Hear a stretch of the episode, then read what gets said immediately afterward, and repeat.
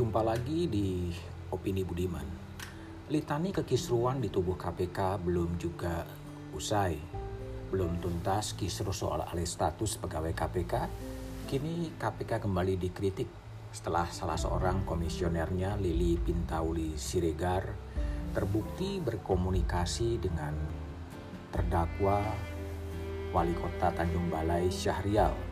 Lili berkomunikasi, memberikan informasi kepada Syahrial, bahkan mengarahkan Syahrial untuk mencari pengacara yang ditunjuknya. Hal itu terungkap dan terbukti dalam persidangan Dewan Pengawas Komisi Pemberantasan Korupsi. Namun, hukuman yang dijatuhkan dianggap terlalu ringan. Lili dijatuhi hukuman potong gaji pokok sebesar 40% selama 12 bulan. Sesuai dengan peraturan pemerintah, gaji pokok wakil pimpinan KPK adalah 4.620. Artinya jika dipotong 40% dalam setahun, Lili dipotong gajinya sebesar sekitar 22 juta. Hukuman itu sangat-sangat ringan kalaupun tidak boleh agak keterlaluan bagaimana wakil ketua KPK yang diseleksi dengan begitu ketat dengan begitu penyelidikan yang begitu dalam untuk mengendalikan korupsi bisa melakukan tindakan yang tercela menghubungi pengacara menghubungi terdakwa adalah sesuatu yang melanggar kode etik hukuman yang dijatuhkan memang terlalu ringan sehingga sepantasnya Lili Pintauli Siregar mengundurkan diri saja sebagai wakil ketua KPK karena secara moral sebetulnya Lili sudah tidak pantas untuk menjadi wakil ketua komi, wakil ketua Komisi Pemberantasan Korupsi dan itu akan menjadi beban bagi Komisi Pemberantasan Korupsi. Sebelumnya Ketua KPK Firly Bahuri juga dibuktikan melanggar etik ketika menggunakan helikopter ketika pulang ke kampung halamannya. Namun Firly dijatuhi hukuman teguran ringan. Situasi ini akan sangat memberatkan Komisi Pemberantasan Korupsi yang terus dilanda berbagai permasalahan yang ada.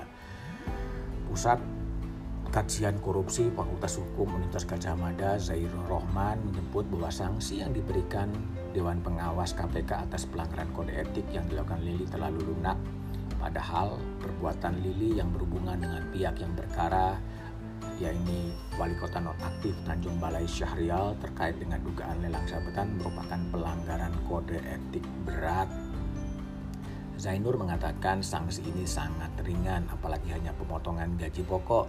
Seharusnya sanksi yang layak dan tepat dijatuhkan kepada Lili adalah diminta untuk mengajukan pengunduran diri sebagai pimpinan KPK. Lili tidak pantas lagi menjabat sebagai pimpinan KPK karena telah menyalahgunakan kewenangan karena berhubungan dengan pihak yang berperkara. Gaji pokok wakil ketua PK hanya bagian kecil dari total penghasilan yang diterima setiap bulan. Gaji pokok wakil ketua KPK hanya sekitar 4,6 juta. Sedal total uang yang diterima per bulan take home pay sekitar 89 juta. Putusan itu sungguh-sungguh mengecewakan dan betul-betul melukai rasa keadilan pegawai-pegawai KPK yang selama ini berjibaku untuk melawan korupsi, untuk menangkap koruptor, berada di lapangan, kemudian dianggap tidak lolos tes wawasan kebangsaan dan harus dipecat sebagai KPK.